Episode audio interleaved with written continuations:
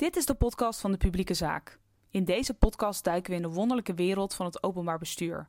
We verdiepen ons in de ambtenarij, het management, het bestuur en iedereen die daar tegenaan schurkt. Daarbij hebben we het over macht, effectiviteit, kunde, loopbaankeuzes, leermomenten en nog veel meer. Wij zijn Laura Huigens en Jarno Deen, twee bevlogen ambtenaren die zowaar een podcast zijn begonnen. Hoe maken we het beter en hoe maken we het leuker? Daar draait het om. Veel plezier!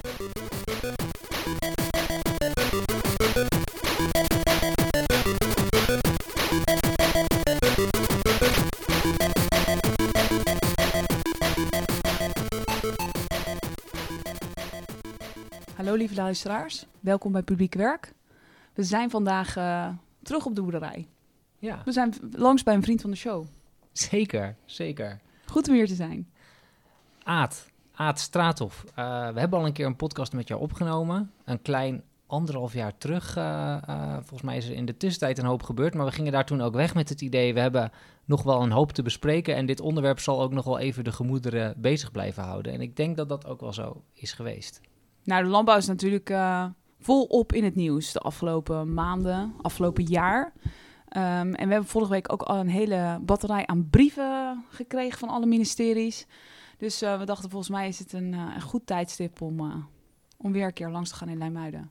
Aad, welkom in de show. Hey, dankjewel. Ik vind het ook heel leuk dat jullie er zijn. En dan kom je er ook achter als je elkaar zo lang niet spreekt, hoeveel er in die tussentijd gebeurt, hè? We hebben elkaar net al even gesproken over onze privélevens, die uh, ook niet uh, stilstaan. En je noemde net uh, landbouw, hè? Er gebeurt veel in de landbouw. En dat woord landbouw wil ik even uitvergroten. In het woord landbouw zit, zit het werkwoord bouwen. De landbouw die bouwt aan iets. Die bouwt aan veilig voedsel, aan het overeind houden van de groene ruimte. die bouwt aan leefbaarheid.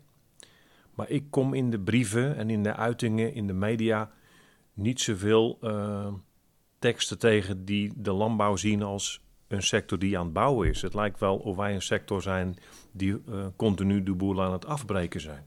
Dus het woord landbouw mag voor mij in het komende jaar meer inhoud krijgen. Dat we ook laten zien dat wij iets bouwen wat anderen niet kunnen. Ook nog tegen relatief lage kosten. En dat het daar ook in dit land uh, leuker van wordt als je ons tenminste op de plek weet te behouden. Dan wel met minder ondernemers.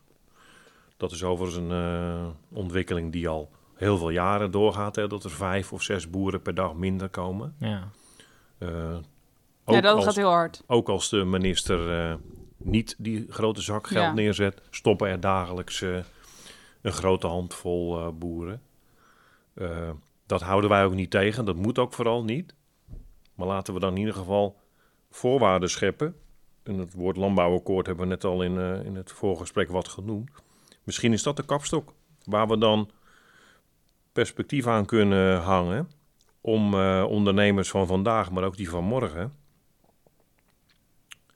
uh, ondernemer kunnen laten zijn. Ja. Om weer te kunnen bouwen, zeg maar. Ja, door ja. te bouwen. Ja. Nou, dan hebben we volgens mij een mooi, uh, mooi begin. We zitten er al middenin. Maar Aad, misschien is het eerst goed dat je even voorstelt. Voor de mensen die ja, niet ik ben weten wie jij bent. Straathoff en ik ben derde generatie boer in Leimuiden. Dat ligt in Zuid-Holland, vlakbij Alphen aan de Rijn en Leiden. Dat is een uh, grondgebied, uh, is een droogmakerijtje van 200 hectare, 5 meter 10 onder uh, de zeespiegel.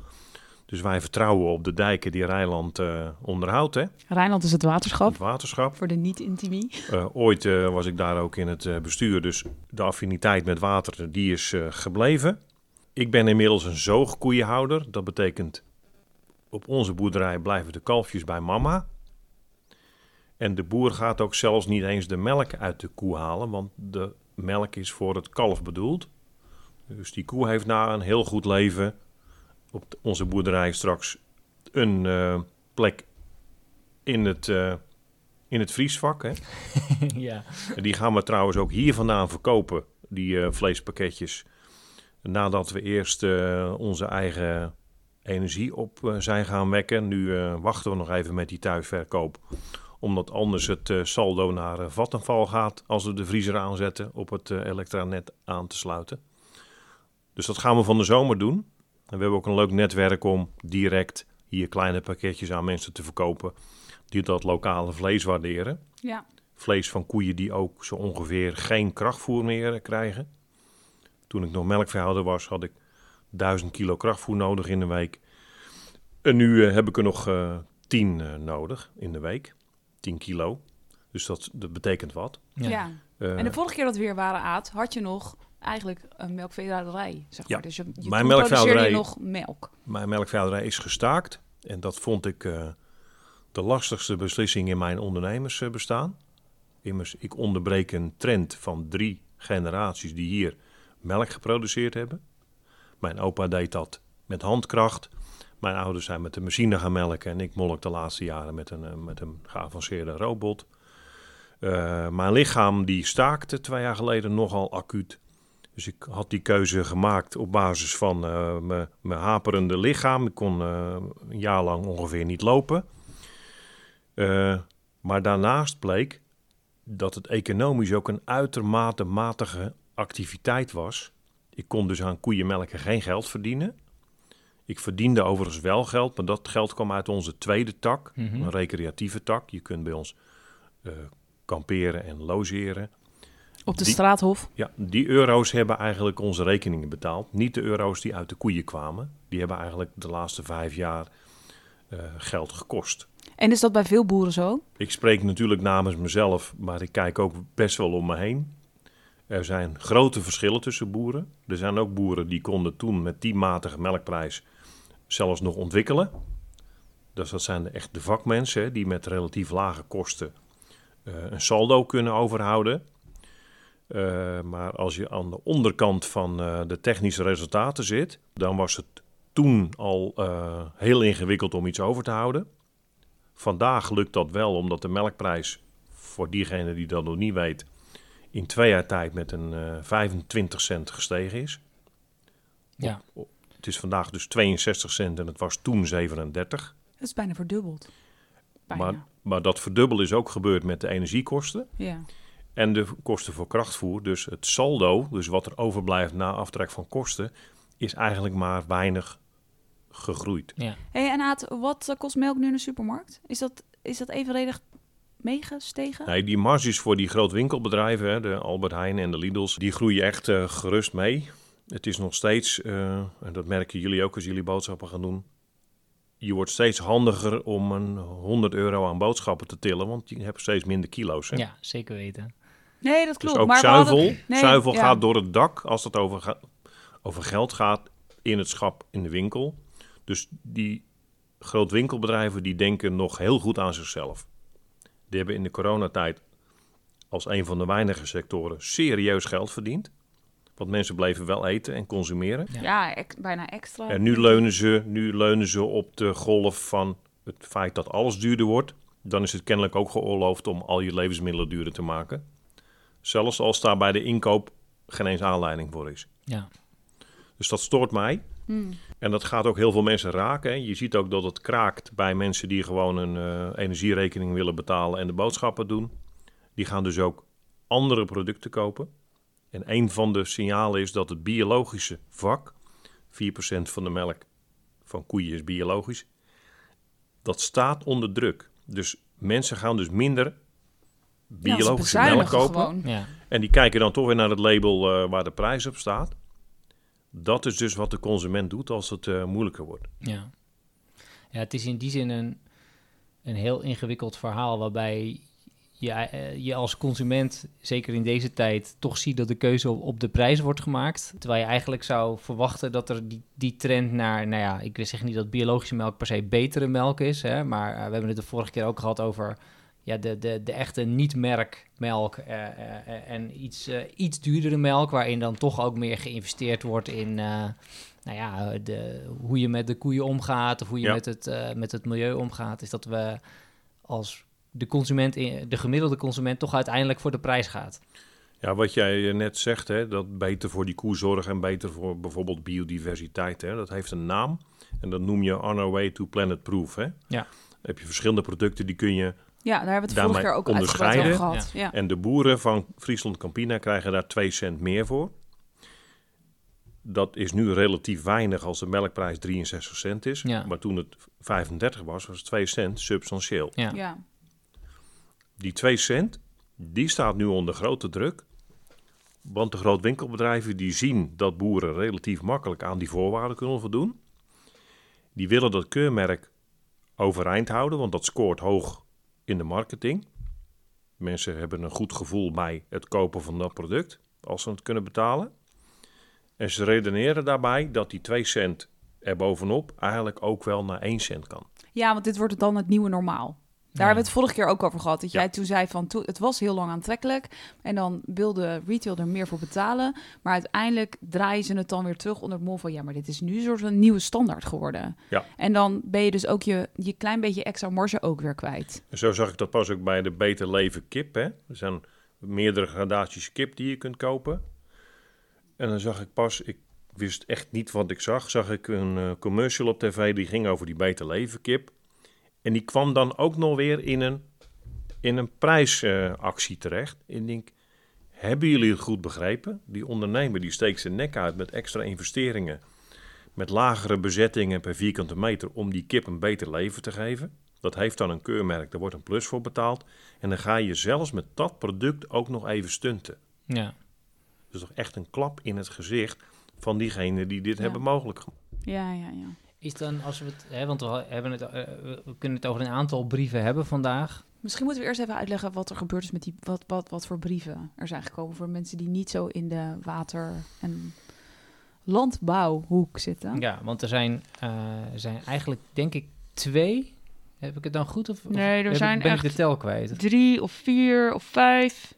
Er zijn brieven en allerlei stukken vanuit de ministeries gekomen en die gaan allemaal over. Ze gaan over water en bodemsturend. Er is een landbouwbrief gekomen. Volgens mij is er, is er een aparte stikstofbrief gekomen, Aad? Ja. Er is ook een stikstofbrief gekomen. Er is een MPLG ontwikkelingsding gekomen.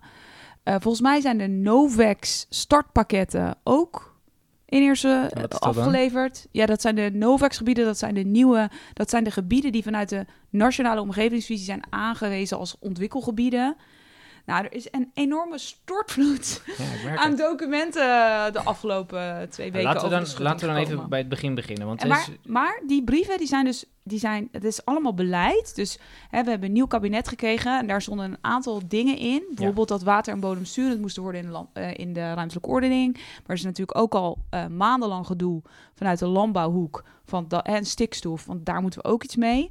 En daar zouden allemaal uitwerkingen voor komen. Die zouden eigenlijk bijna allemaal al eerder komen. Maar ze zijn allemaal uitgesteld, uitgesteld, uitgesteld. En vorige week was dan de dag, zeg maar, dat ze uiteindelijk toch allemaal naar buiten kwamen. Allemaal verschillende stukken. Oké, nou, laten we dan... Dus dat was even de de De, vorige keer dat, dat wij elkaar spraken, eh, was stikstof eigenlijk het, het, het hoofddossier. Hè? En dat is natuurlijk in de afgelopen eh, maanden is dat ook nadrukkelijk het hoofddossier gebleven. Hè? We, hebben, eh, we hebben Remkes gehad die daar een rol in heeft gespeeld.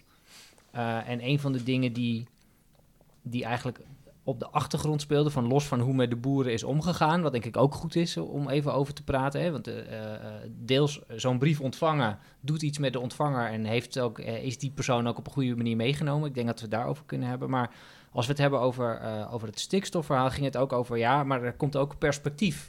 Hè? We moeten ook een perspectief schetsen voor de boeren. Daar hebben we het net al een beetje over gehad. Maar heb jij het idee dat dat, dat perspectief er nu voldoende is? En is dat ook het volledige perspectief?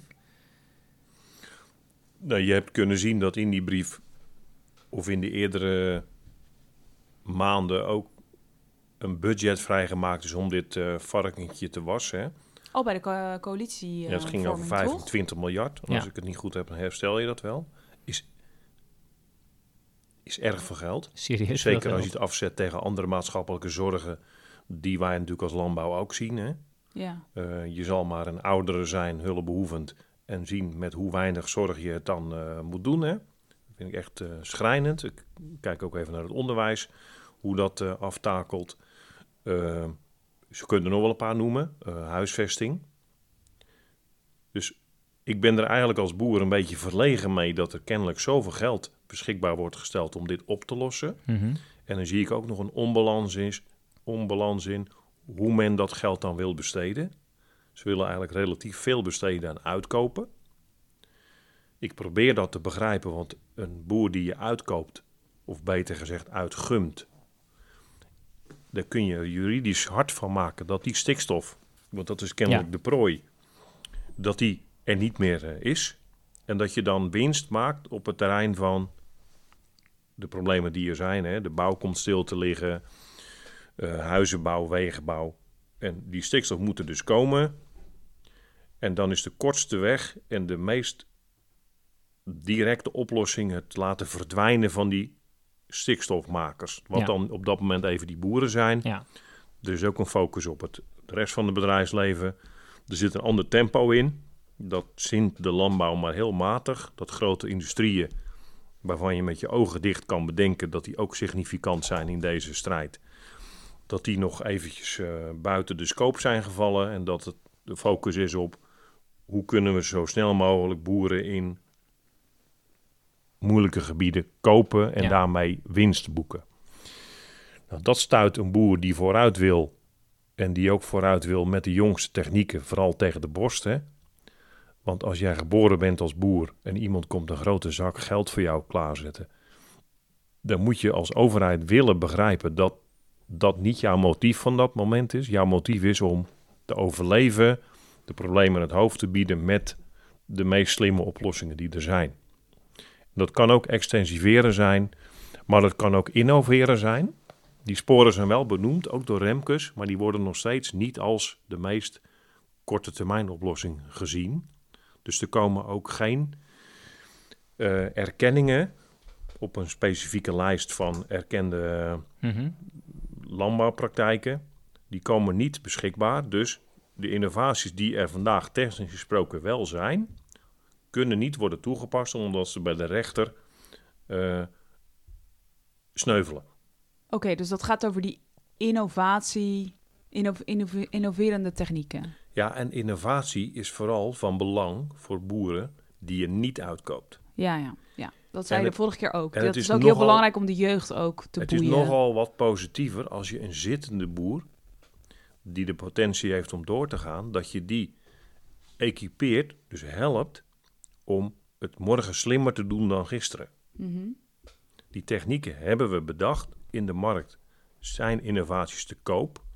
Die zijn ook technisch heel sterk, hebben zich bewezen, maar nog niet voldoende bewezen om gecertificeerd te kunnen worden, dus als erkende maatregel te worden gezien. Dus dat spoor pakt de minister nog niet. Het spoor waar zittende boeren erg mee geholpen zouden zijn. Dus het spoor van uitkopen wordt maximaal uitvergroot. Ja, waarbij je dus eh, eigenlijk ook een beetje, eh, als het ene pad niet kan, dan word je eigenlijk in het andere gedwongen. Is dan, Dat is het gevoel. En ik geval. probeer ook te blijven denken vanuit de belastingbetaler, hè, die we overigens zelf ook zijn. Een boer uitkopen kost je vandaag 6 miljoen euro. Dat moet je ook nog lukken, hè. die boer moet het ook nog willen. Als je het niet wil, gaat dat nog anderhalve kabinetsperiode duren voordat je die onteigening hebt afgerond. Hè. Dus zijn we, zijn Ja, omdat het zo lang Ja. duurt. Precies, dus Ja. dat is ook geen winst op korte termijn. Maar van dat bedrag kun je ook makkelijk 25 boeren die, die, doorgaan helpen het slimmer te doen door te innoveren. En want je, je hoort ook vaak in het debat dan, ja, die innovaties, die hebben zich. eh, ehm, ik denk dat een deel van de discussie bijna principieel is. Ja, Ja. Je, kun- je kunt het wel beter willen maken met innovaties, maar we moeten het gewoon niet meer doen. Is, is, Dat- zit Nou, daar maar- het ja, probleem maar dan ook ik een denk, beetje? Is innovatie en anders kunnen natuurlijk het anders kan innovatie zijn, maar het kan ook doorontwikkelen wat je al doet, kan ook innovatie zijn. Dus het Ja, al- oké. alles loopt ook door elkaar heen, denk ik. Maar ik hoor vooral ook dat de driver die stikstof is. En de driver is niet, de, niet van hoe gaan we het anders doen of zo, weet je. Maar om Want- het voor, want dat voor de luisteraar concreet te maken, hè, er zijn twee toepassingen. Die pakken de stikstofuitstoot op het erf zodanig aan dat ze tot 70% reductie komen. 70%. Ja. En die vrijgekomen stikstof die dan niet meer emitteert, kunnen ze ombouwen naar een meststof die voorkomt dat die boer meststof uit Rotterdam, hè, dus via de industrie moet inkopen. Dus het mes snijdt bijna aan drie kanten. Het is ook een noviteit in de wereld, dus ook nog een supermooi exportproduct. En daar zeggen we dan ook vandaag nog geen ja tegen. Ja. Dat is best heftig als je als boer klaar staat om te innoveren. En jouw innovatie, investering wordt niet erkend. Dus je krijgt er ook niet een euro voor bij de bank. Dat, dat zit bij boeren heel diep.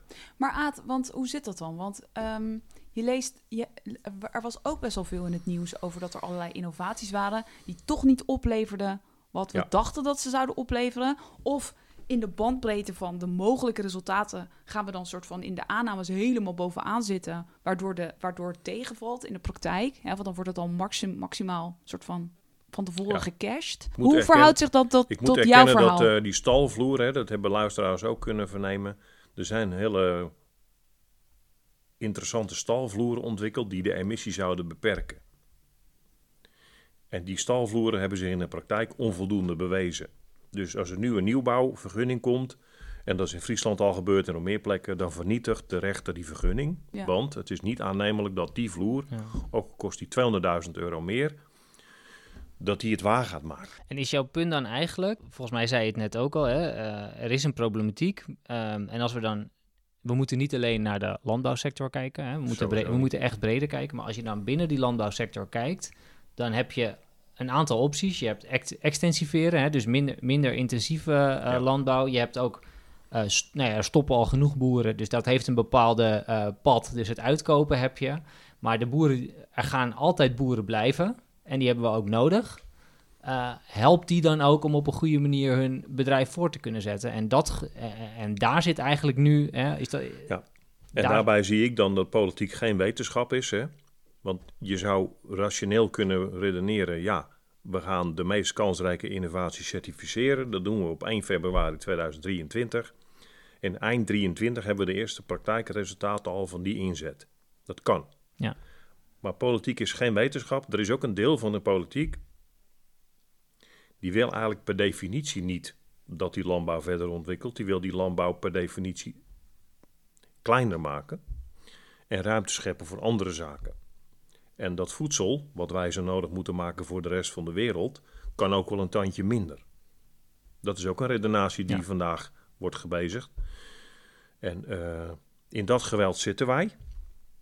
Nou, als ik iemand spreek die mordicus tegen innovatie is, en die persoon is naar mij toegekomen met een auto, hè, stel dat dat zo is, hè, dan spreek ik die toch even aan op het feit dat die auto, stel dat dat nog een, eh, een fossiele brandstofauto is, hè, dan is die auto voorzien van een katalysator.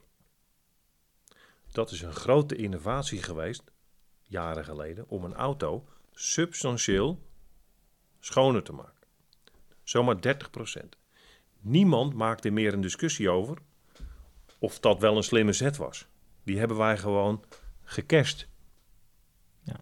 Die, die invoering van die eh, katalysator, daar heeft niemand het meer over. Dat vinden wij nu gewoon de beste praktijk.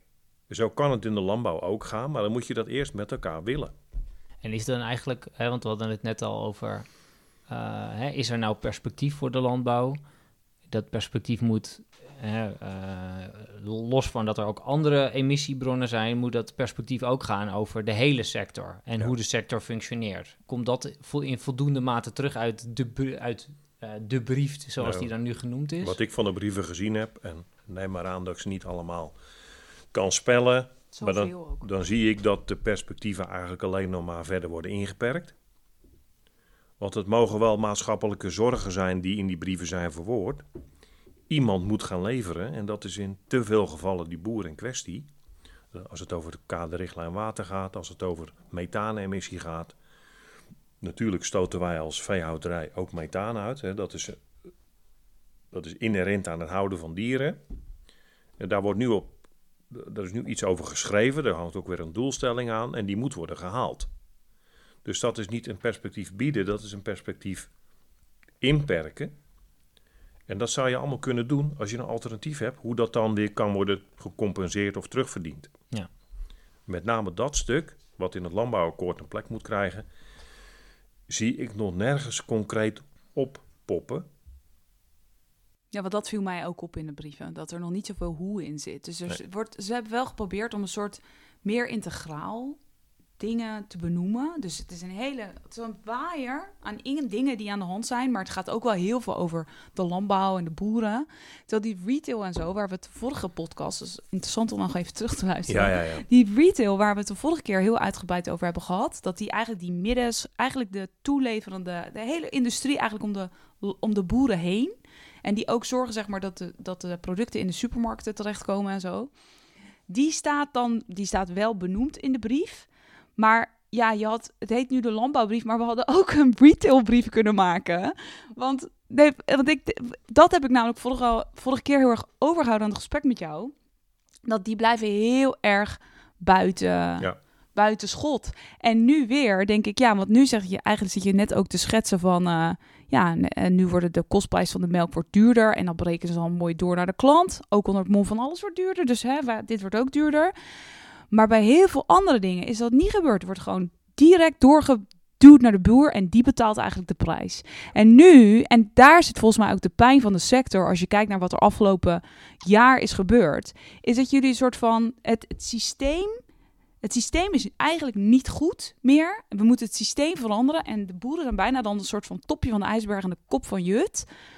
En daarom denk ik ook dat, weet je, volgens mij is er ook nog steeds wel veel begrip. Vorige, we waren hier anderhalf jaar geleden. Toen waren, was volgens mij de publieke opinie nog steeds wel van, oh weet je al, mensen zijn wel voor de boeren. Toen hadden we het ook nog over, veel mensen willen ook wel iets extra's betalen. Dus misschien nu staat dat onder druk door die inflatie en zo.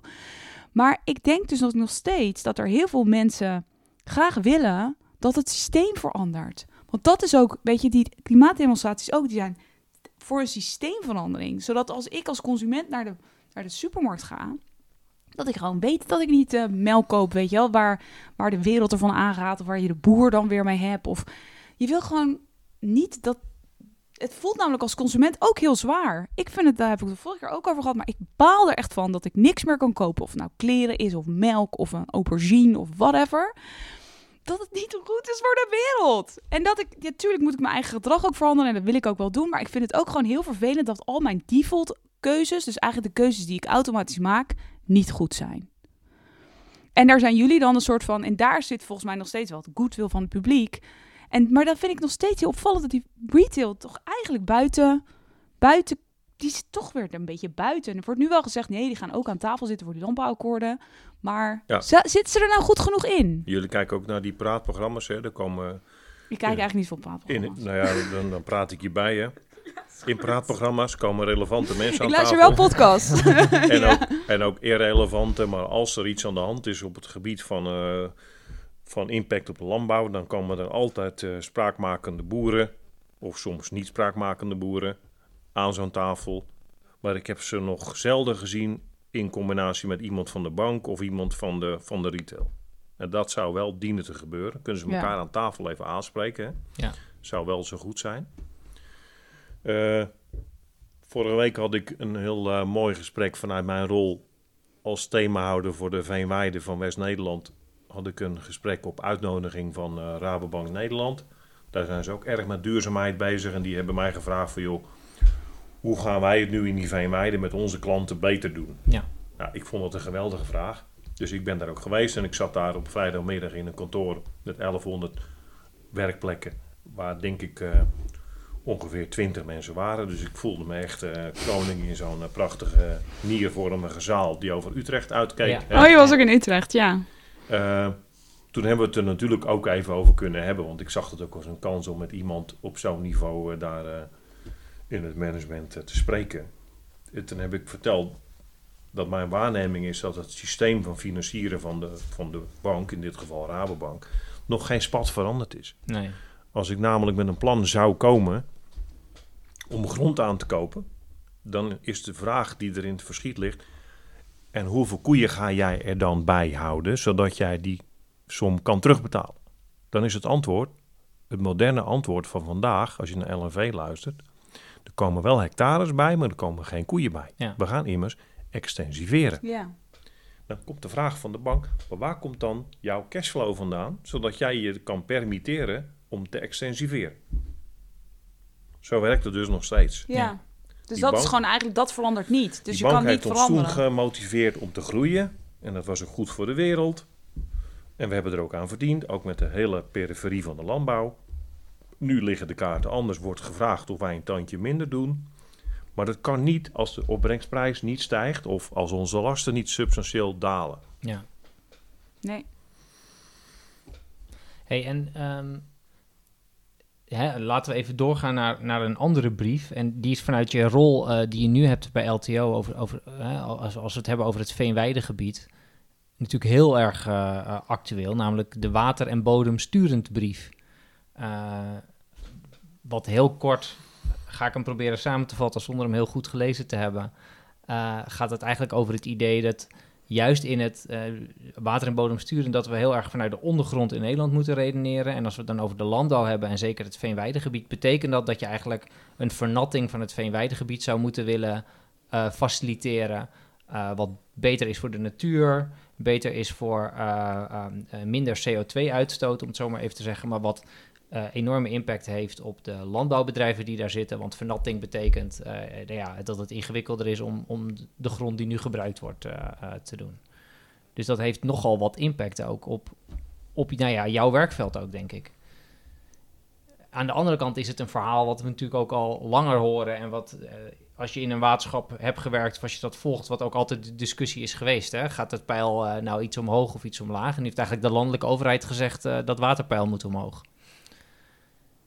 Dat is nogal wat. Ik heb die brief ook gelezen hè, en ik mocht er eh eergisteren tijdens een specifiek webinar van LTO Nederland eh, ook een bijdrage leveren. Daar zaten ook vertegenwoordigers van de hoge zandgronden en van de verziltingsgevoelige kustgebieden. Hè. Dus er waren Ja. wel drie leuke invalshoeken. Ja. En ik mocht Ja. dan de Veenweide eh inbreng doen. Het viel me op dat inderdaad het Rijk zich gaat bemoeien op het werkveld van de waterschappen. Immers benoemen en zelfs nog met de centimeters erbij wat het pijl, het waterpeil slash grondwaterpeil zou dienen te worden om die en die doelen te dienen. Daar vond ik van, van ja, het voelde alsof eh, er geen oog is voor wat we eigenlijk met de sector in die veenweide al druk aan het doen zijn. Hè? Het is net of we nog zouden moeten beginnen, terwijl we al lang met succesvolle pi- pijlers bezig zijn om in die veenweide de landbouw te behouden, maar ook de CO2-emissie terug te dringen. Dat we daar eh, het spanningsveld op zoeken. Ja. Dat zijn we aan het leren, ook met Rijksgeld overigens. Nu werd het een beetje betuttelend gebracht van, nou, dat gaan we dan doen, hè? alsof we nog niet begonnen waren. En volledig voorbijgaand aan het feit dat eh zoetwater ook een, eh, een beperking heeft. Er is, al zou je het willen, helemaal niet voldoende water om die veenweide zo nat te maken als beschreven is. Niet, dat dacht ik dus ook toen ik het las. En dat, werd niet, dat stond er Dat niet staat er bij. gewoon niet in? Dat staat er niet bij, nee. Dus vind ik wel een mooie vraag ook aan de Peter Glazen van deze wereld. Hè? Van Ja. de Delta-commissaris die ook wel die hoofdstroom van het zoetwater in zijn hoofd heeft. Die komt in 2027 met een tussenrapport of dat water dan wel of niet voldoende is. Dus dat vond ik een constatering. Eh, maar als je het zo nat maakt als ze daar beschreven, dus grondwater naar een pijl van 20 in het perceel, dan heb je ook eigenlijk eh, afscheid genomen van een functionele landbouw. Ja. En dan Maar vraag in de zin van, dan kunnen er geen koeien meer lopen. Of dan, dan zou je eigen... Maar jij zegt de functionele landbouw. Ehm, maar er staat ook iets in over natte tilten. Wat we natuurlijk nog niet echt doen. En ik weet ook niet of de Rabobank daar al krediet voor geeft. en ik weet ook niet of de regelgeving nou ja, daarop toegerust is. Want dat, dat was de afgelopen jaren die- ook heel erg. Je kunt nog helemaal niet een business case bouwen die, die met een brief, en misschien mag dat omdat het een brief van het Rijk is, dan mag je op hoofdlijnen redenaties doen. Hè? Dus die brief gaat echt voorbij aan de al of niet beschikbaarheid van zoveel zoet water om die veenweiden allemaal zo nat te maken. Terwijl dat wel ook echt een discussie is. Hè? Want bij ons in het waterschap loopt dat volop. Ja. Zeg maar, die, die, de, dat- die spanning, die voelen we nu heel erg. Het waterschap Stichtse Rijnlanden voor de luisteraars is wat mij betreft vanuit mijn rol voor die veenweiden te beschermen eh, het meest ver in de ontwikkeling om die veenweiden ook echt aan te pakken. Er ligt gewoon meer dan duizend hectare al veen met maatregelen daarin. Dat is echt, daar ben ik echt heel trots op. Die geven ook aan met de pilots of we daar goed mee bezig zijn. We leren daar ook iedere dag van. Eh, maar er wordt ook in die brief volledig voorbij gegaan aan het feit dat de functie landbouw ook een bepaalde veiligheid wettelijk eh, verdient tegen wateroverlast. Als je die veiligheid met voeten treedt, dat is een keuze die je maakt, maar dan moet je dus wel met een compensatie komen. Je kunt als je het zo nat maakt, nog zo slecht boeren, dat je of een reële schadeloosstelling moet ontvangen, waarschijnlijk per jaar, Ja. of de functie komt eigenlijk te vervallen. En wat is dan de volgende functie? Ja, dan zal die landbouw, dat landbouwareaal zal natuur worden. Nou, door mijn bril heen is er al heel wat natuur. En we hebben onze handen vol om die natuur in een goede stand te houden. Het lijkt mij dan ook behoorlijk onbetaalbaar worden. Wellicht levert dat straks een brief op van een ander ministerie. Die zegt van joh, jullie schrijven wel leuke brieven, maar de impact op de staatskas, die is onderschat. Die hebben jullie daarin niet echt meegewogen. Ja. Dan kan ik zomaar schetsen dat die brief een keer komt. Maar Aad, gaat dat dan ook over, want we hadden het net over het is stikstof gedreven om die boeren uit te kopen. Nou, stel je voor, hè, we kopen er, we kopen er, nou, hoeveel ging het erover? Ik heb het opgeschreven net, nog in de trein. Het gaat echt over heel veel, Het eh, ging over 2000, toch? Ja. ja. zoiets. Per Echt ja, ja, bizar. Voor de komende, maar die, en dan, en dan, als voorwaarde, eh, als je stopt, dat je dan niet meer, je mag niet meer In landbouw Nederland doen. mag je niet meer opstaan. mag je niet meer landbouw doen. En dan, maar toen dacht ik, wat gebeurt er dan met die grond? Ja. Want we gaan er niet allemaal huizen op bouwen, want we hebben ook nog rode contouren. Want als jij hier je land verkoopt, dan gaan we hier geen flatgebouw Nee, neerzetten. 1% is Dus- voor huizen. Want daar hadden we het de vorige keer met de podcast met jou ook over. Want jij zei, er is niet een manier die zo eh, lucratief is om ook eh, om het landschap te beheren als de boer. Dus weet je wel, dat, en daar, dan moest, toen moest ik weer denken aan die transitie. Als we moeten naar extensiveren en er moeten verdienmodellen naast zitten. En het moet niet altijd recreatie zijn, maar we willen ook naar natuur. Wie gaat die dan beheren? Want als je het dan naar Staatsbosbeheer geeft, is er ook geen geld voor. Dus ja. Afgelopen april mocht ik eh, bij de regietafel Veenweide, dat zijn de, de knappe koppen op het gebied van, die komen namens het Rijk en die praten natuurlijk met de regio over hoe gaan we het nou met die Veenweide doen. En ook het perspectief voor die boeren, als er straks minder boeren komen, de boeren die verder willen, die gaan we dan meer grond aanbieden. En het Ja. Rijk zag dat echt als een positieve wending voor het dossier en dat zou dan perspectief gaan opleveren. Nou, ik ben te veel boer om mee te gaan in die gedachte sowieso. Dus ik heb ze ook de vraag gesteld van... hebben jullie in dit voorjaar wel eens door Nederland heen gereden... en dan opgelet hoeveel ruwvoer, hè, dat is het, het voer voor de koeien... er nog ligt in april van dit voorjaar op de boerenerven? Toen werd ik aangekeken van... eh, waar ga je het nu over hebben?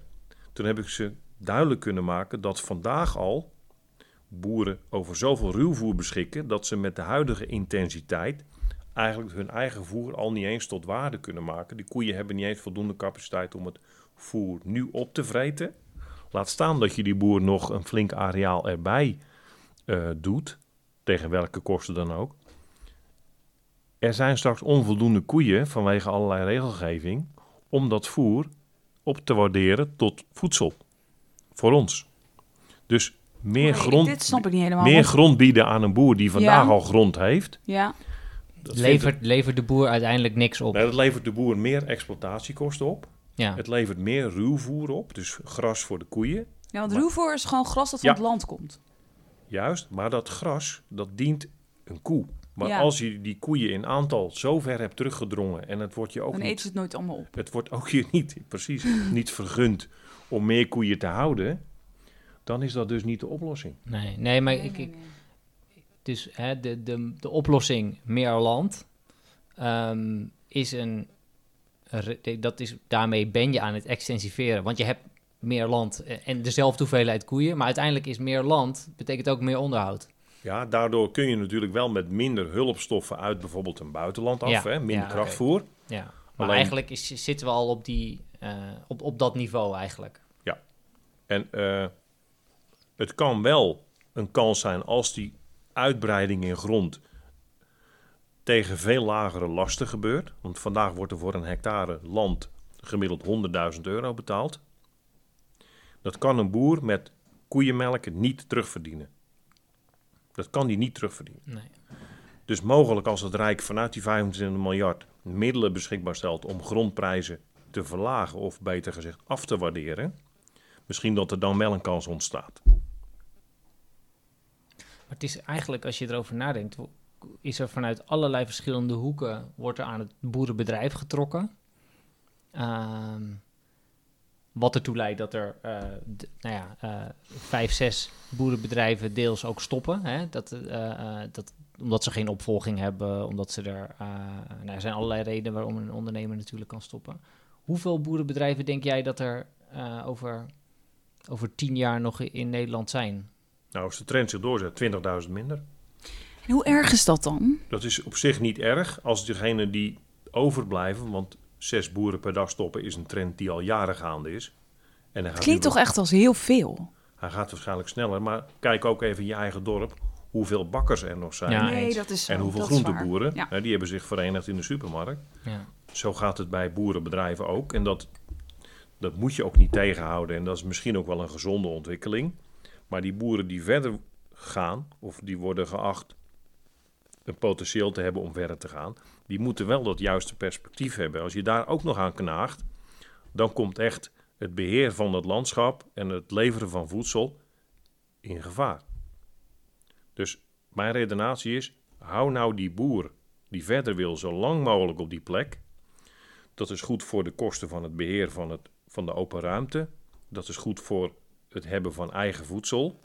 Maar ook is het goed voor het beheer van de staatskas. Want iedere andere vorm van gebruik van boerenland, als dat zijn functie verliest, gaat de maatschappij beduidend meer kosten dan opleveren.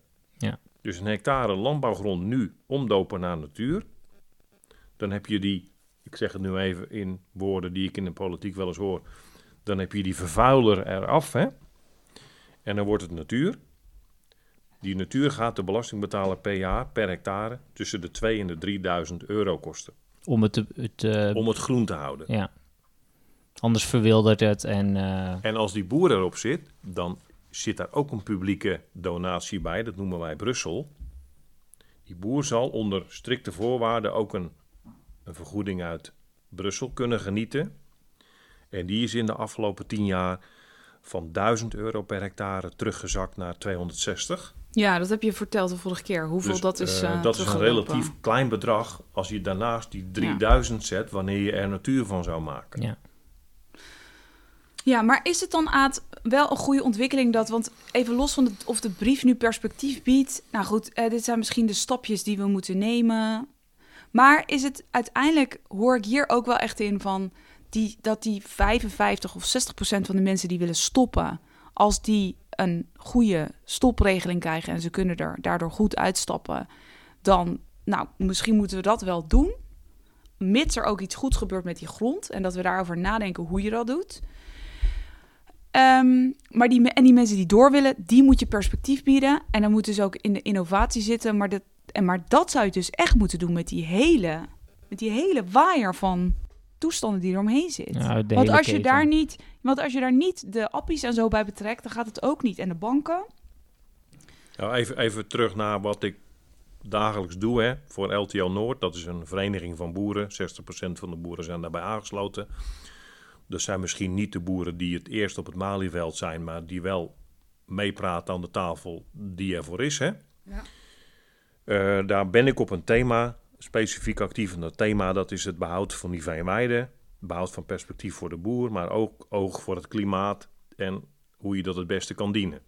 Nou, dat is binnen het geweld wat er vandaag plaatsvindt op dat boerenerf maar één van de onderwerpjes. Ja. Dus ik maak al betrekkelijk weinig indruk op een boerenerf als ik het kom hebben over bodemdaling. Kan ik Van, me joh, voorstellen. Wie ben jij en waarom, ben jij, waarom vind jij jezelf belangrijk als ik vandaag kamp met de vraag: ben ik hier überhaupt nog gewenst als boer? Ja. Heb ik bestaansrecht? Ben ik wel of niet een stikstofuitstoter? Ben ik een piekbelaster? Ben ik een, eh, een pasmelder? Hè? Dat hele rijtje kennen jullie ook. Ja. Dus die boer is vandaag niet zozeer hard bezig met het beperken van de daling van zijn bodem, maar wel bezig met het voortbestaan van zijn bedrijf. Dat is, staat op één. Ja. Als dat dan mag voortbestaan, dan kun je het over de rest ook komen hebben. Ja, maar dat moet eerst uit de lucht. Precies, dus mijn rol is feitelijk een beperkte, maar doordat ik toch aan die tafel zit, ook met provinciale bestuurders en met het Rijk, kan ik wel mijn frustratie delen dat ik in mijn dossier eigenlijk niet zoveel verder kom. Omdat al die andere issues, die feitelijk veel bepalender zijn, nog in de lucht hangen. Ja. hey, en Aad, als we nou... ehm, wat mij opviel was dat eh, toen, toen Remkes met zijn rapport kwam... dat dat zo goed viel. Eh, dat, dat, op een Ja. van, dat dat op een of andere manier een, eh, eh, een gevoel gaf van, we- van we worden gehoord. Is dat een... en als we, we hebben het nu ook over, over de brieven en hoe dat... is dat een probleem dat de, dat de boeren, om het zo maar even te zeggen, niet goed genoeg meegenomen worden? Of worden ze, wordt er gewoon niet naar ze geluisterd? Nou, Remkes heeft natuurlijk benoemd dat het straks allemaal dient te gebeuren met de juiste toon. Beginnend aan zo'n soort tafel, hè? Ja, Dus één op één. En vervolgens in gebiedsprocessen. Dat kun je zeggen, dat zal ook gaan gebeuren. Maar had het nog niet koud gezegd of mensen van het Rijk waren op individuele basis boeren aan het opkopen. Gewoon definitief aan het wegvagen. Om rijksdoelen te dienen. Dus niet doelen die de landbouw eh, zou helpen eh, Ja. ontlasten. Nou, dat heeft dus sinds Remkes best wel veel kwaad bloed gezet. Hè? Dat er ook mensen zijn die nu een dwangsom op de mat hebben van significante bedragen. Dus ik stel vast dat we nog niet zoveel verder zijn gekomen. Wel dat bedacht is dat er een eh, landbouwakkoord moet komen en dat ieder ministerie even duidelijk moet maken wat je nou van ons vraagt. Ja. Nou, dat gebeurt via de brieven, die sommige dingen duidelijk maken, andere brieven zelfs nog onduidelijker maken. Er zijn nog steeds geen kaders, maar de datum dat provincies hun provinciale hoofdlijnenplan klaar moeten hebben, die, die schuift niet op. nee. Nee, alles schuift op, maar Want die even voor de duidelijkheid, de datum dat de provincies hun hoofdplan moeten hebben is... Juli, Juli. 23. Juli 2023. Dat is En heel laten we niet vergeten dat de provinciale staten ook nog samen met de waterschappen verkiezingen hebben in maart.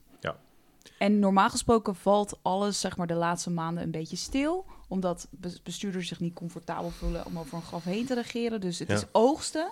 En er zit altijd in een bes- coalitieperiode zit er altijd je start nieuwe dingen op, dan ga je die hè, en op een gegeven moment aan het eind van je coalitieperiode ga je als bestuurder oogsten. En de- je komt eigenlijk in dat, daarom is het zo raar ook, dat ze eigenlijk dus allerlei enorm grote opgaves, die puzzels moeten eigenlijk gelegd worden op provinciaal niveau. Want eigenlijk, eh, al die brieven komen vanuit het Rijk verkokerd over de plank. Maar de provincies moeten nu zometeen de integrale puzzel gaan leggen in de gebieden. Om te kijken, van hoe gaan we dit nou daadwerkelijk oplossen? En wat gaan we Ja. nou doen? En wie gaan we dan wel en niet uitkopen? En eh, nou, de uitkoop gaat sowieso door. Maar Aad, is, de, is, de, is de provincie de beste bestuurslaag om dit te doen, denk je? Als de provincie voldoende goed samenwerkt met de krachten in de regio, dan is de provincie een prima methode. En ik zie de provincie daar ook echt mee worstelen. En dan kom ik bij mijn rol, ook al is die dan beperkt, maar die ik dan wel inzet voor het grotere geheel. Ik probeer de provincies, ik, ik beperk me dan tot Noord-Holland, Zuid-Holland Ja. en Utrecht, te laten inzien dat het echt gebeurt op het boerenerf, primair. Hè? Dus dat er een vertrouwenwekkende instantie moet zijn of een persoon die die één op één gesprekken gaat voeren met individuele boeren om erachter te komen met welke boer zit ik nu aan tafel. Wil die weg? Wil die verdubbelen? Wil die natuur inclusief? Die kennis, die moet je anoniem vergaren en die ga je dan gebruiken om in de gebiedstafels, gebiedsprocessen te gebruiken om de puzzel te leggen. Dus de tijd die nu inderdaad wordt verstookt aan verkiezingsmuziek, Ja. die moet je niet verloren laten gaan. Laat alsjeblieft die één op één gesprekken nu gebeuren. Daar heb je ook capaciteit voor nodig, maar begin daarmee om straks die puzzel sneller te kunnen leggen. En mijn motivatie vandaag om met mijn werk toch gewoon door te gaan is om boeren aan te jagen om vooral zelf met plannen te komen. In de Alblasserwaard heb je zo'n collectief van boeren van zomaar 300 boeren die op eigen kracht met een, met een adviesbureau, met een beetje procesgeld, die grote opgaven proberen in te vullen. Ja. Niet tot achter de komma, concreet, maar wel hoofdlijn. Daar wordt die provincie natuurlijk heel blij van, aan de ene kant, want dan hebben ze een bouwsteen voor hun plannetje. Ja. Dat werkt beter als dat je allemaal moet gissen wat boeren willen. En als gebied heb je ook veel meer de regie op wat jou straks gaat gebeuren. Ja, want dit zie je wel vaker. Volgens mij bij, bij HDSR is er ook zo'n gebied dat nu eh, aan het kijken is van kunnen we die puzzels nou leggen en hoe doe je dat dan? Ehm, maar wat ik ook wel heel erg zie is dat volgens mij veel provincies, er zijn ook allemaal hele verschillende organisaties, eh, dat die provincies zijn van oudsher ook best wel goed geworden in het maken van beleid. Ja. En relatief abstract denken. En zijn geen uitvoeringsorganisaties. En dat is bijvoorbeeld waar de waterschappen, of waar wij bijvoorbeeld als HDSR in Utrecht ook echt proberen om onze vinger op te steken. Van weet je, wij zijn wel gewend om met die pijlbesluiten en gebiedsprocessen aan tafels te zitten. Dus laten we hier nou in samenwerken. Maar dat is dan nog ook nog, en dat, willen, dat wil iedereen, want op zich moeten we het ook met elkaar gaan doen. Maar dat is natuurlijk wel, dat is ook echt een enorm zoekproces hoe je dat nou goed inricht. Dus eh, Ja, ja, vroeger had je nog de DLG als Ja, dat wilde ik eh, dien- vragen, ja. dienstlandelijk Ja. gebied, als, als extra partner in de gebiedsprocessen. Ja, want er wordt best wel vaak geroepen van... zouden we niet een soort DLG terug moeten? DLG was de dienstlandelijk gebied... en die deed bijvoorbeeld de ruilverkavelingen... en her, her, herinrichting van gebieden. Hebben ze een hele grote rol gespeeld... maar DLG is opgeheven, afgeschaft, Ja. eh, wegbezuinigd. Eh, en nu hebben we het dus ook niet meer. Die kennis is dus ook allemaal versnipperd en weg. En dat is misschien ook wel de reden dat ik wel schrik van die brieven, maar dat ik de impact een beetje bijstel naar beneden. Omdat je kunt van alles schrijven in die brief. Als je geen voertuig hebt om het uitgevoerd te krijgen, dan gaat het je dus op korte termijn als individuele boer niet raken. Dus alles wat er nu bedacht wordt, dat heeft op zich wel impact als je over die gevolgen nadenkt. Ja. Maar er is geen instrumentarium om dit allemaal op te tuigen. Er is geen organisatie die capabel is om boeren op die grote schaal te bereiken, om achter hun eh, drijfveren te komen en om tot daden te komen. Daar heb je dus een slagvaardige groep mensen voor nodig die het vertrouwen snel weten te winnen van een boer. Die groep bestaat overigens. Hè. Er zijn agrarische collectieven die, die tot en met eh, vandaag de boeren helpen bij het maken van eh, contracten voor vogelweidebescherming en alles in die, in die hoek. hè. Mhm. Die hebben een hele korte lijn met die individuele boer. Die zou je eigenlijk zo'n opdracht moeten geven om die interviews te doen, maar die hebben dan handjes tekort. Ja. Dus die moet je uitbreiden met overheidsgeld. Dat ze over meer handen beschikken. En die kunnen prachtig voorwerk doen wat je straks gebruikt in die gebiedsprocessen. Ja, dus het, het, het, het huidige regeerakkoord heeft aan het begin nadrukkelijk aandacht voor de uitvoerbaarheid van beleid en schept daar ook ruimte voor. Maar eigenlijk is, jouw eh, is jouw analyse, als we het over deze beleidsterreinen hebben, is dat het nog niet zeker is dat het ook uitvoerbaar gaat zijn. Terwijl Nou, dat... Ik zeg het iets eh, steviger. ja, Ik, ik, ben- weet zeker dat het niet uitvoerbaar is. En dat stelt me aan de ene kant gerust. Aan de andere kant lossen we daar niet eh het Nee. probleem mee op. hey, laten we ehm, nog even één onderwerpje aansnijden. Ja, Want- we gaan afronden. Een van de onderwerpen die deze week aan bod is gekomen in de Kamer ging over, eh, eh, ging over de waterschappen. En over hoe die, eh, hoe, hoe die democratischer gemaakt kunnen worden. En, en het voorstel gaat dan over de geborgde zetels. Want bent- waterschappen hebben geborgde zetels van oudsher. Ja, en, en eh, dat betekent dat er bepaalde belangen standaard eh, vertegenwoordiging hebben in het waterschapsbestuur. Dat was altijd de, de landbouw, dat waren de ondernemers, de bedrijven en dat was de natuur. Ja. Als ik het even goed zeg. En daar uh, het voorstel is, om, uh, is geweest, en volgens mij is, gaat dat het ook halen, of heeft dat het al gehaald, om minder de ondernemers er standaard hoe dan ook uit te halen en uh, minder zetels voor de landbouw uh, en meer voor natuur, zodat die nu ge tegelijk uh, in gelijke vertegenwoordiging hebben. Dat gaat over het algemeen bestuur, dus dat is eigenlijk de raad van het waterschap. Ja. En in het dagelijks bestuur hadden de geborgde zetels altijd één gezamenlijke, gegarandeerde collegelid, zeg maar, hoe noem je dat? Eén zetel. Jij was en die is er, jij was dat was jou, jij was zo'n bestuurder, Aad. Um, en die gaat er al komende verkiezingen uit. Ik bedoel, het betekent niet dat ze niet alsnog in de coalitie kunnen komen, maar de gegarandeerde gaat eruit. Ja. Wat, uh, hoe kijk jij daar tegenaan? Ja, ik vind er iets van. En uh, dat is natuurlijk niet zo relevant wat ik ervan vind, want het wordt niet door mij bepaald. Maar ik vind het echt schrijnend dat als je deze podcast terugluistert, dan kun je samenvatten hoeveel er aan maatschappelijke wensen en zorgen op het bord van de boer wordt gelegd. Hè? Dat zijn er niet weinig. Ja. En dat je dan Ik heb van de week eh, de euforie gezien op de gezichten van de mensen die het initiatief hebben genomen. Dat je dan blij wordt als het je gelukt is dat je die mensen van wie je zoveel vraagt, dat je die in aantal halveert. Maar dat je ook de kans om in zo'n college te komen, dus aan het stuur van het waterschap, dat je die ook inperkt. En dat je dat dan maatschappelijk winst noemt. Want dan is er een betere, dan ontstaat er meer democratie. Nou, ik zie dus dat de natuur, zonder dat ze economisch bijdraagt, verdubbelt in haar vertegenwoordiging in dat waterschapsbestel. Terwijl ik denk dat natuur ook maximaal terug te vinden is in bepaalde politieke partijen in de waterschappen. Dus ik zag die noodzaak niet zo. Ik zie dat in een verstedelijkt gebied zoals, ik neem Rijnland even als voorbeeld, daar heb Ja. ik de meeste affiniteit mee, ik woon daar ook in. Dat bedrijven, eh, dat die allemaal gesneuveld zijn, die plaatsen. Volgens mij is het ook best relevant dat je die kennis en know-how en het feit dat ze ook substantieel economisch bijdragen, dat je die bij je weet te houden. Maar kennelijk moeten die ook maar een plek zoeken bij de politieke partijen. Dat wordt nu van de landbouw eigenlijk ook gevraagd. Dus als je vindt dat je met die twee zetels tekort hebt, hè, als je dan te weinig impact maakt, voeg je dan bij een politieke partij waar je je thuis voelt. Ja. Nou, als ik daarover nadenk, als je het aan mij vraagt, hè, dan zou ik nog niet zomaar een partij eh, weten die in de waterschappen de afgelopen jaren actief waren, waar ik me vlot bij zou aansluiten. Want iedere partij eh, worstelt ook met die grote maatschappelijke opgaven, waarbij de boer eigenlijk vaker de dupe is dan de winnaar.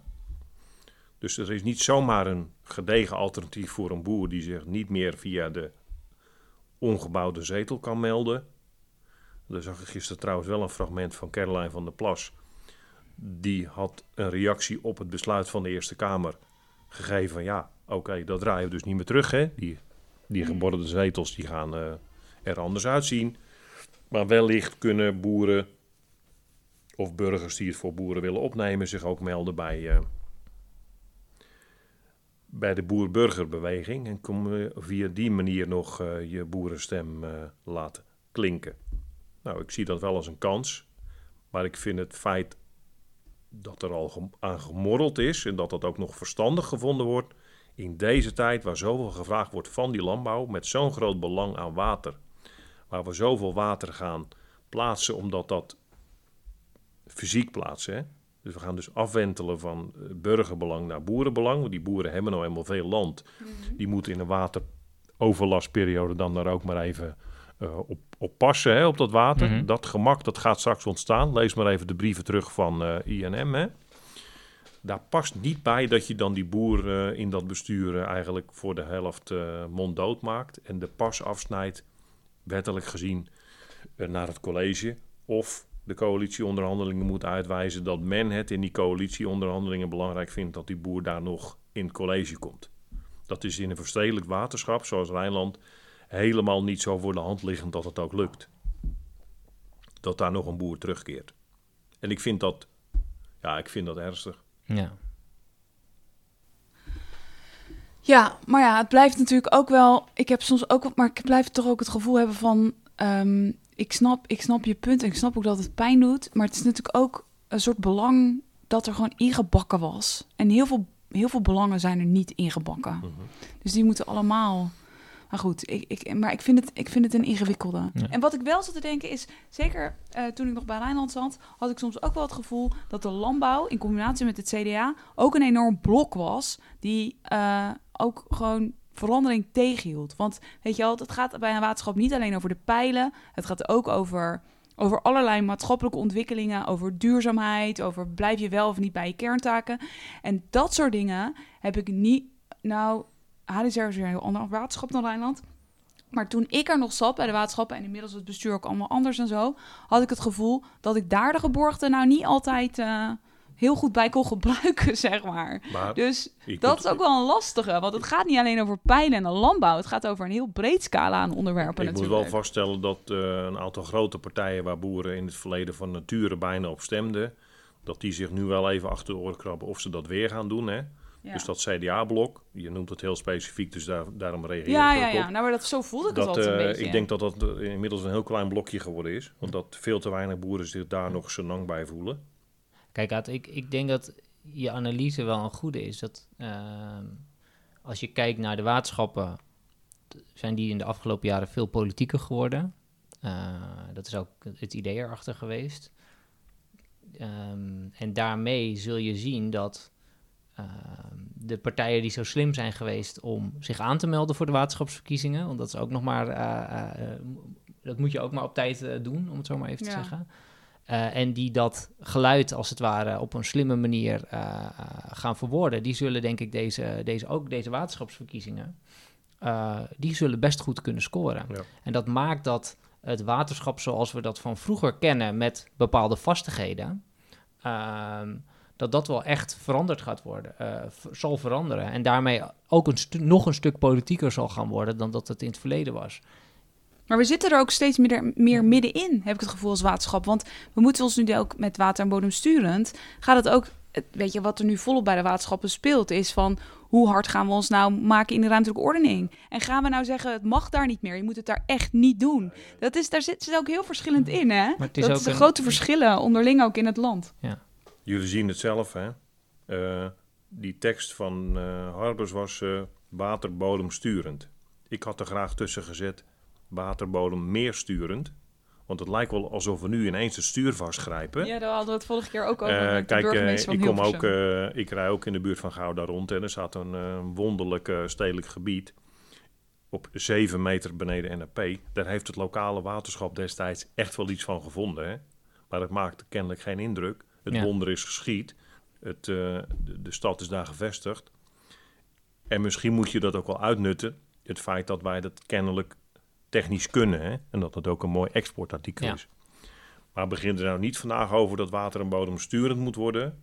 Want dat is het eigenlijk al heel lange tijd niet. Ja, maar dat, dat, eh, ik snap dat je dat zegt. Ja, wat ik nog ten aanzien van de geborgde zetels wil zeggen, ik denk dat het, eh, ik, ben het, ik ben het ermee eens dat het, dat het wel gebeurt. Maar ik snap jouw punt heel goed dat het zeker op dit moment, ehm, ook voor een sector die al onder vuur ligt, dat je het gevoel hebt dat je ook dit nog wordt afgenomen. Dat begrijp, Ja. ik, dat begrijp ik heel Ja, dat goed. snap ik ook. Maar ik vind ook dat eh, politici die zich kandideren voor een waterschap, ehm, zich ook wel rekenschap moeten geven dat ze het volledige, dat ze eh, goed nadenken over wie ze vertegenwoordigen. En dat ze ook dus die vertegenwoordiging wel echt serieus nemen. Want het zou, eh, ehm, het zou ook. Ik zou het ook niet goed vinden als het, eh, als het alleen maar over het stedelijk gebied zou gaan vanaf nu bijna de Ja. waterschappen. Want dat is, dat is niet waar het gaat, zou over het hele gebied Nee, moeten nee, gaan. dus nee, het, geeft ook echt een plicht aan mensen die zich daar ehm, nu voor eh, in willen zetten. En ik hoop dat dat heel veel mensen zijn, om dat volledige plaatje wel in, in beeld te houden. Ja, kijk, het is natuurlijk ook zaak dat waterschappen bestaansrecht blijven zien. Want ik stel me zomaar voor dat in de komende verkiezingsperiode wij de bodem van de schatkist een keer gaan raken. Hè? Dat ligt echt voor de hand. We zijn nu schulden aan het eh, leggen op de lasten van mijn kleinkinderen. En dat daarmee bijvoorbeeld een programma om tot hogere waterkeringen te komen, een keer het niet zou halen als het op de schouders van provincies zou komen Ja. te liggen. Hè? Want immers, de Rijksweg wordt dat misschien belangrijker dan het bouwen van een voldoende hoge dijk. Dus ik, ik blijf toch echt wel pleiten voor het voortbestaan van die waterschappen. Ik ook. En eh, als ik nog één kleine volzin mag gebruiken over al het vorige wat we hebben langs zien komen, hè? want die luisteraar die is ook een keer moe van ons, denk ik. Nou, ik wou net zeggen, Aad, van volgens mij moeten we afronden, maar ik wil jou altijd het laatste woord geven, want we hebben natuurlijk ook, maar mogen we dan even het brugje maken naar onze luisteraars, want wij maken, deze, wij maken deze podcast, eh, gaat over publiek werk, hoe maken we het beter en hoe maken we het leuker vanuit de overheid. Dus als je dat in je Ja. gedachten houdt, wat wil je ons dan nog meegeven? Ja. Resume, er is veel langsgekomen. Ik prijs ook het geduld van die luisteraars. Hè? Waar ik naar hunker, ik spreek in mijn dagelijkse werk en vanuit mijn primaire beroep als boer heel veel andere boeren. En Wat mij de laatste jaren sterk opvalt, als ik een boer spreek, dan heeft die boer het niet meer over zijn primaire vak. Dan gaat het over hoe gaat u om met die bedreiging, Misschien ook wel met die kans, maar het zijn vooral bedreigingen die, uh, die uh, in het gesprek naar voren komen.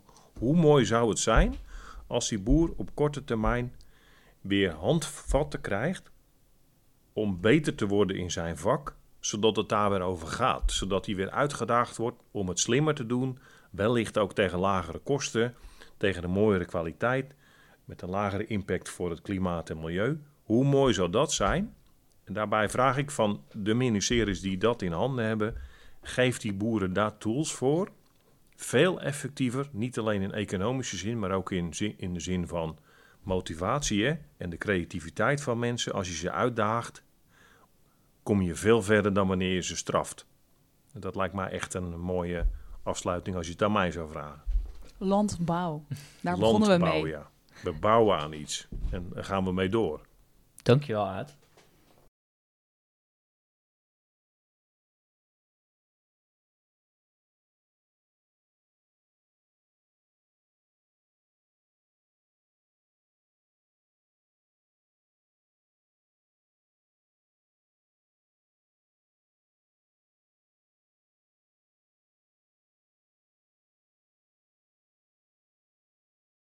Was de podcast Publiekwerk.